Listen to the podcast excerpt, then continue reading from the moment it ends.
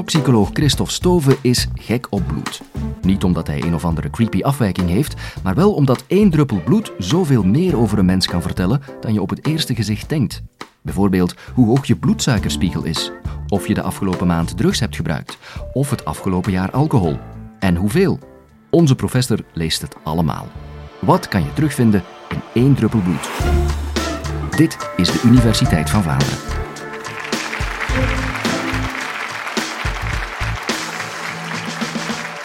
Een groot deel onder jullie zal ongetwijfeld mensen met diabetes of suikerziekte kennen. Wat die mensen moeten doen, is een prik maken in de vinger, een kleine druppel bloed uh, deponeren en dan kijken met een klein toestelletje of een bloedsuikerspiegel onder controle is. Nu, er zit veel meer informatie in bloed dan die enkel die bloedsuikerspiegel. Wanneer we kijken naar de samenstelling van bloed, dan zien we daar rode bloedcellen, witte bloedcellen en ook tal van zaken die in bloed opgelost zitten. We denken aan eiwitten, we denken aan aminozuren, aan suikers, aan vitamines en dergelijke meer. Dat is eigenlijk een beetje de chemische samenstelling van bloed.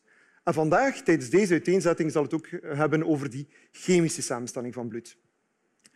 Nu, zonder dat jullie het zich zullen herinneren, is bij elk van jullie destijds al een heel klein prikje uh, gemaakt.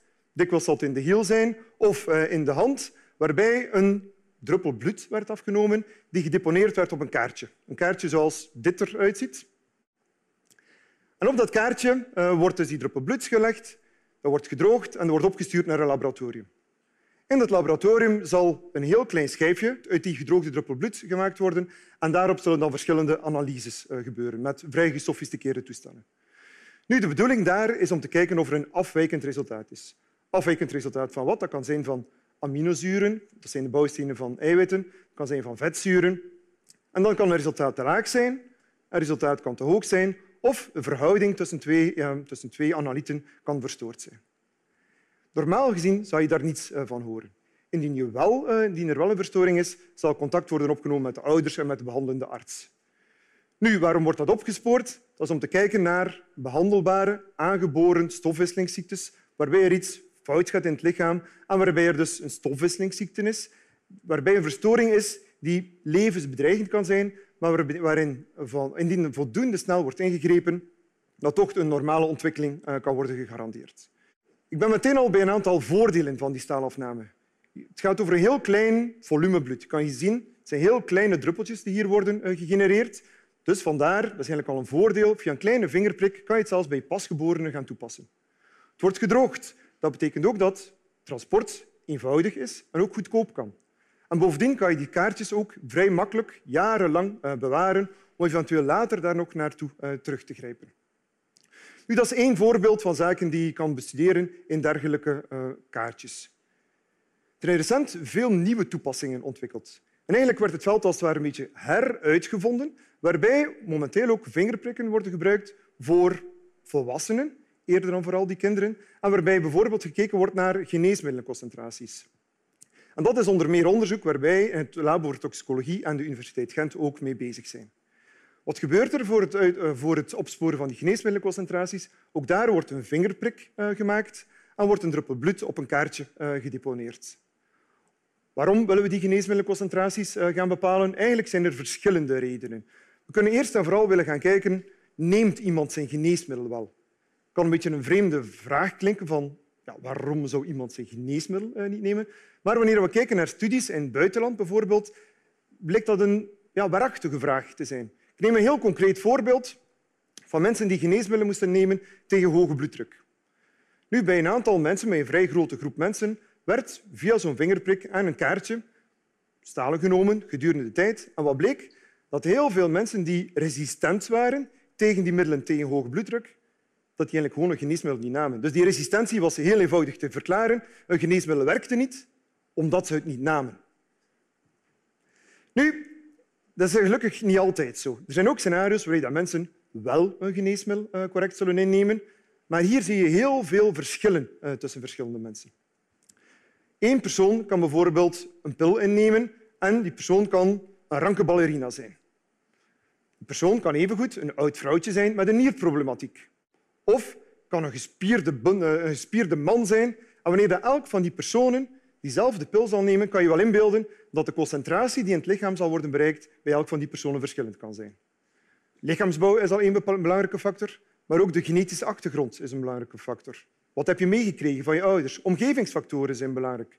Je voeding, uh, je, uh, voedingsgewoonten, of dat je rookt en dergelijke meer. Dat zijn allemaal bepalende zaken voor geneesmiddelenconcentraties. En omdat dat vrij moeilijk voorspelbaar is, is het opvolgen via dergelijk kaartje een van de manieren waarbij dat, uh, dat, dat kan gebeuren. Een aantal heel concrete voorbeelden. Antibiotica bijvoorbeeld. Voor antibiotica is het belangrijk, voor een aantal stoffen althans, dat een bepaald niveau, dat een bepaalde concentratie bereikt wordt. Indien die concentratie niet bereikt wordt, is dat onvoldoende om je bacteriën af te doden en kan je resistentie in de hand werken. Anderzijds, als de concentratie te hoog is, ga je zitten met toxiciteit. En ook dat wil je vanzelfsprekend niet. Dus we willen een effectief geneesmiddel, maar eh, zonder bijwerkingen. Gerelateerd aan dat voorbeeld zijn ook antivirale middelen. Als we bijvoorbeeld denken aan Afrika, waar HIV vrij, vrij vaak voorkomt, worden antivirale middelen gebruikt en gebeurt effectief opvolging van geneesmiddelenconcentraties aan de hand van dergelijke kaartjes. Bij antivirale middelen heb je bovendien nog het voordeel dat je zelfs kan kijken naar het resultaat van de werking van het geneesmiddel. Want in zo'n kaartje kan je ook gaan kijken naar de virale belading. Dus je kan niet alleen kijken naar de concentratie van het geneesmiddel, maar je kan ook gaan kijken naar het effect van het geneesmiddel. Hoeveel virus is er nog in het bloed van die persoon aanwezig? Als we terug dichter eh, naar huis gaan, we kijken dan bijvoorbeeld over de grens eh, naar Nederland, dan kijken we bijvoorbeeld bij transplantatiepatiënten. Die mensen moeten levenslang opgevolgd worden, bijvoorbeeld personen met een longtransplantatie, lever- of niertransplantatie. Die moeten levenslang opgevolgd worden en die moeten levenslang medicatie nemen om afstotingsverschijnselen te gaan vermijden. Als die concentratie niet onder controle zou zijn of niet hoog genoeg zou zijn, dreigen ze hun orgaan te verliezen. Dat is van levensbelang, letterlijk. Anderzijds, indien de concentratie van die immunosuppressiva, van die onderdrukkende middelen, te hoog is, kan dat zijn dat het afweersysteem te veel onderdrukt wordt en worden die mensen te gevoelig aan infecties. En ook dat weer brengt belangrijke gevaren uh, met zich mee. En dat brengt mij van eerst keer ook weer bij een volgende toepassing waarvoor gedroogde bloeddruppels uh, kunnen worden uh, gebruikt. En dan denk ik aan alcohol. Wanneer we kijken naar mensen met een leverproblematiek, levertransplantatiepatiënten, dan zien we dat bij een belangrijk deel van die levertransplantatiepatiënten de leverproblematiek eigenlijk ontstaan is door chronisch en overmatig drinken. Vanzelfsprekend willen we nog na de transplantatie, nog voor de transplantatie, dat die mensen nog altijd overmatig drinken. En ook hier weer kunnen we op een heel eenvoudige manier nagaan of iemand nog steeds alcohol, al dan niet overmatig, uh, zal drinken. En we kunnen daar gebruik voor maken van, als alternatief voor dergelijke kaartjes, kunnen we ook dergelijke kleine tipjes uh, gaan gebruiken. Zo'n één klein tipje kan je een druppel bloed eh, gaan opnemen en dat stemt overeen met 10 microliter bloed, eigenlijk 1 honderdste van een milliliter bloed. Dus eerder dan we een bepaling gaan doen in gewoon volle bloed, zoals dat jullie wel zullen kennen, kunnen we bepaling doen in zo'n heel klein tipje bloed. Nu, heel concreet, wanneer we willen kijken naar het alcoholgebruik van iemand gedurende de voorbije maand, beschikken we over een welbepaalde merker die ons in staat stelt van het alcoholgebruik gedurende de maand vooraf te gaan bepalen. Heel concreet, elke keer je alcohol eh, drinkt, gebeurt er een chemische reactie in je lichaam, of je nu wilt of niet. Die chemische reactie zorgt ervoor dat er een welbepaald eiwit, dat er een welbepaald vetzuur is het eigenlijk, en de membraan van de rode bloedcel, dat dat veranderd wordt. Het wordt als het ware, wordt als het ware een label uh, aangehangen. En dat label kunnen we gaan bepalen in bloed, maar kunnen we evengoed ook gaan bepalen in zo'n heel klein beetje gedroogd bloed. En op die manier kunnen we uitmaken op een vrouw die daar zit of zij niet gedronken heeft de voorbije maand, of de meneer eh, die daar zit, of dat hij een sociale eh, drinker is. Dat wil zeggen nu en dan een glas wijn of nu en dan een glas bier. Of het iemand is met chronisch overmatig alcoholgebruik. We spreken dan over een volledige fles wijn eh, per dag, zes, acht glazen bier per dag, of zelfs nog veel meer. En op die manier kunnen we aan de hand van wel bepaalde beslissingslimieten uitmaken of iemand abstinent is, geheel onthouder, of iemand een sociale drinker is of iemand een overmatige drinker is wordt niet alleen toegepast in de context van opvolging van levertransplantatiepatiënten, wordt ook toegepast in het kader van mensen die een rijbewijs moeten terugkrijgen. Die moeten een gans traject eh, doormaken wanneer rijbewijs werd ingehouden in het kader van dronkenschap. En ook hier kan je dergelijke eh, bepalingen gaan uitvoeren. Nu, wanneer we denken aan de context van toxicologie, zijn er nog veel mogelijkheden. Niet alleen alcoholmerkers, maar ook eigenlijk quasi elke mogelijke drug kan worden opgespoord in een kleine druppel bloed. Vanzelfsprekend moet je beschikken over voldoende gevoelige apparatuur. Want dat is een beetje het verschil met die screening bij pasgeborenen. Daar zijn er vrij hoge concentraties aanwezig.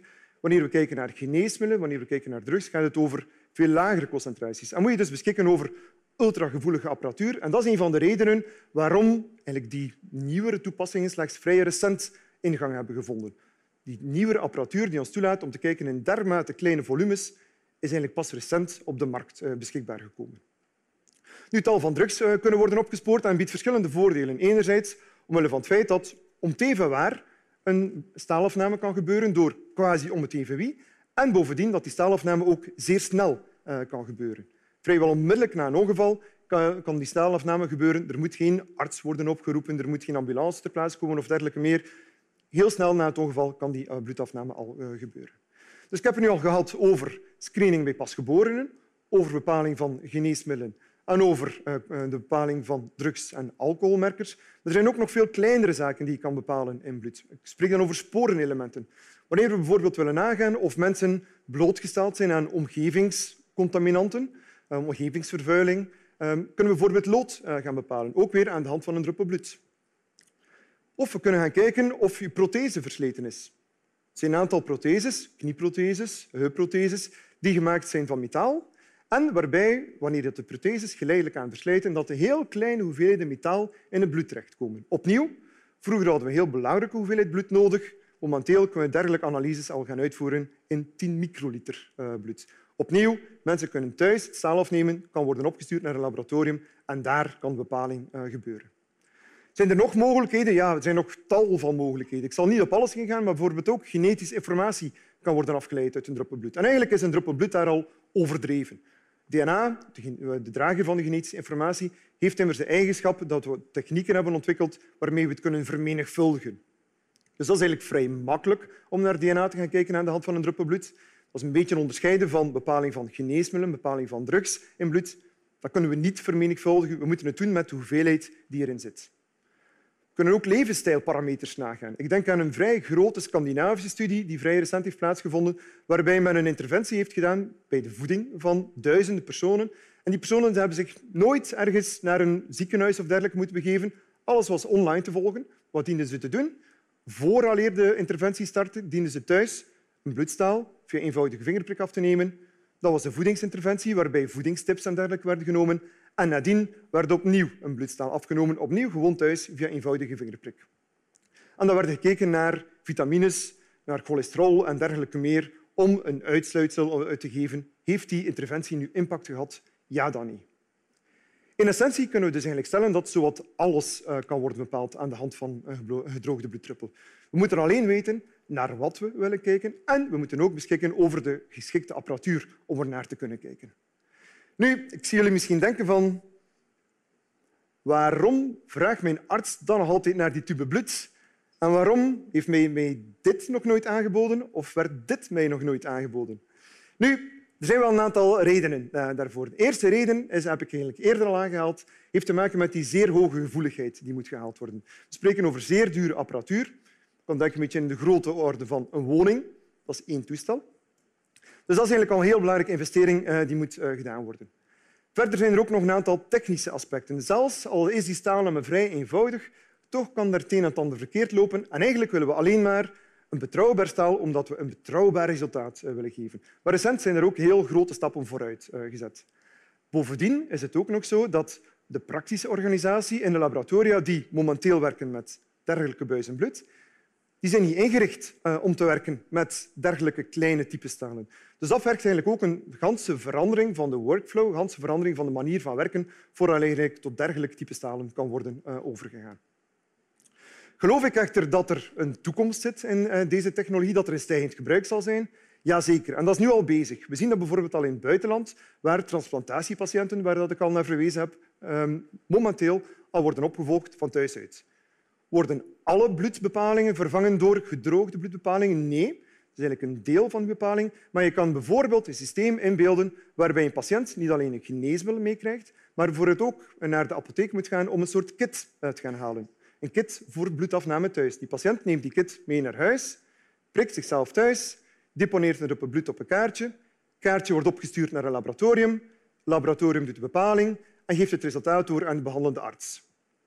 De arts kan dan zien die patiënt is perfect onder controle, dus ik kan de consultatie overslaan.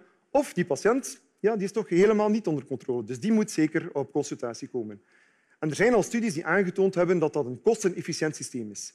Zelfs al is er een extra kost voor de bepaling, door de betere opvolging van de patiënt. En bovendien, de patiënt en of dienstpartner moet ook geen verlof nemen om speciaal een bloedstaal eh, te laten afnemen, blijkt effectief dat het al een kostenefficiënt eh, systeem is. Met andere woorden, een kostenbesparing. Wanneer we denken ook in het veld van toxicologie, is het ook op dit eigenste moment al bezig. Dergelijke devices ehm, worden momenteel al toegepast door het VIAS-instituut, het, Belgisch, het vroegere Belgisch Instituut voor Verkeersveiligheid, in de context van mensen die een rijbewijs moeten terugkrijgen.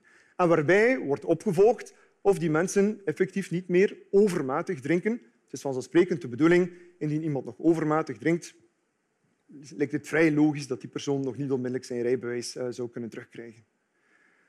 Samenvattend, of het nu gaat over screening van pasgeborenen, of het nu gaat over bepaling van geneesmiddelen bij elk van ons, of het nu gaat over bepaling van drugs- of alcoholmerkers, er is een toekomst voor gedroogde, bloed voor gedroogde bloeddruppels. Het antwoord kan liggen in een druppel bloed. En één druppel bloed kan wel degelijk het verschil maken. Jammer genoeg heeft niet iedereen het zo goed voor met je bloed. En zeker niet de grootste killer ter wereld. Hij steekt je met zijn lans, spuit een goedje in de plaats en met wat pech kan je er ook van doodgaan. Elke twee minuten sterft er een kindje aan malaria. In podcast 133 weet Dirk de Vroei je meer te vertellen over dit bloeddorstige wezen.